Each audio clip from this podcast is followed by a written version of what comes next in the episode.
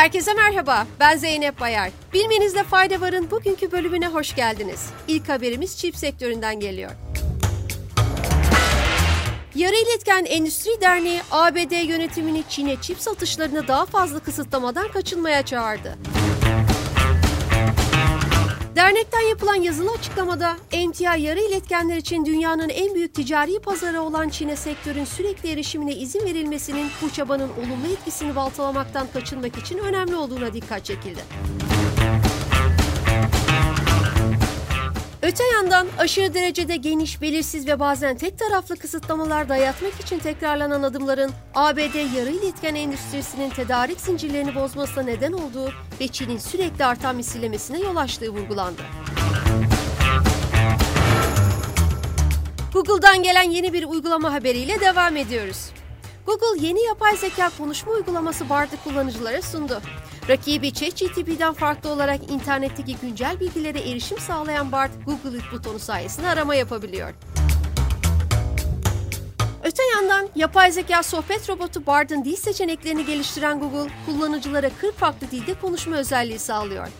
Verdiği cevapları sesli olarak dinleyebilme imkanı sunan uygulama ayrıca yanıtları 5 farklı seçenekte istenilen tonla stilde sunuyor. Sırada büyük ses getiren Threads uygulamasına ilişkin bir haberimiz var.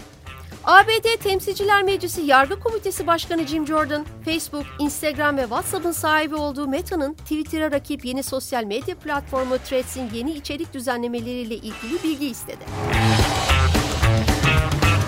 Jordan, Meta'nın CEO'su Mark Zuckerberg'e gönderdiği mektupta Threads'in içerik denetleme uygulamalarıyla ilgili belgelerin komiteye gönderilmesini talep etti.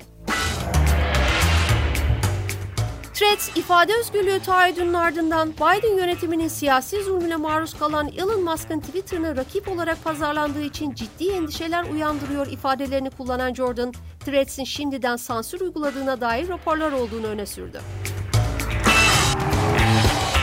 Bilim dünyasından gelen harika bir haberle devam ediyoruz. The Independent gazetesinin haberine göre İngiltere'nin Leicester Üniversitesi'ndeki araştırmacılar zombi hücrelerini ortadan kaldırabileceği düşünülen bir molekül keşfettiğini duyurdu. Aging dergisinde yayınlanan makalede laboratuvar ortamında yapılan denemelerde söz konusu molekülün zamanla işlevini yitirip dokularda birikerek yaşlanmaya yol açan zombi hücrelerini yok edebileceği belirtildi. Yandan araştırmacılar keşfedilen molekülün kullanılmasıyla üretilebilecek yeni bir ilacın kanser tedavisi sonrası vücutta arta kalan hücreleri de etkili şekilde ortadan kaldırabileceğini ifade etti. Son haberimiz oldukça bunaltan sıcaklara ilişkin. Dünya Meteoroloji Örgütü WMO, yaşanan sıcak hava dalgası neticesinde bazı ülkelerde ulusal sıcaklık rekorlarının kırılabileceğini duyurdu.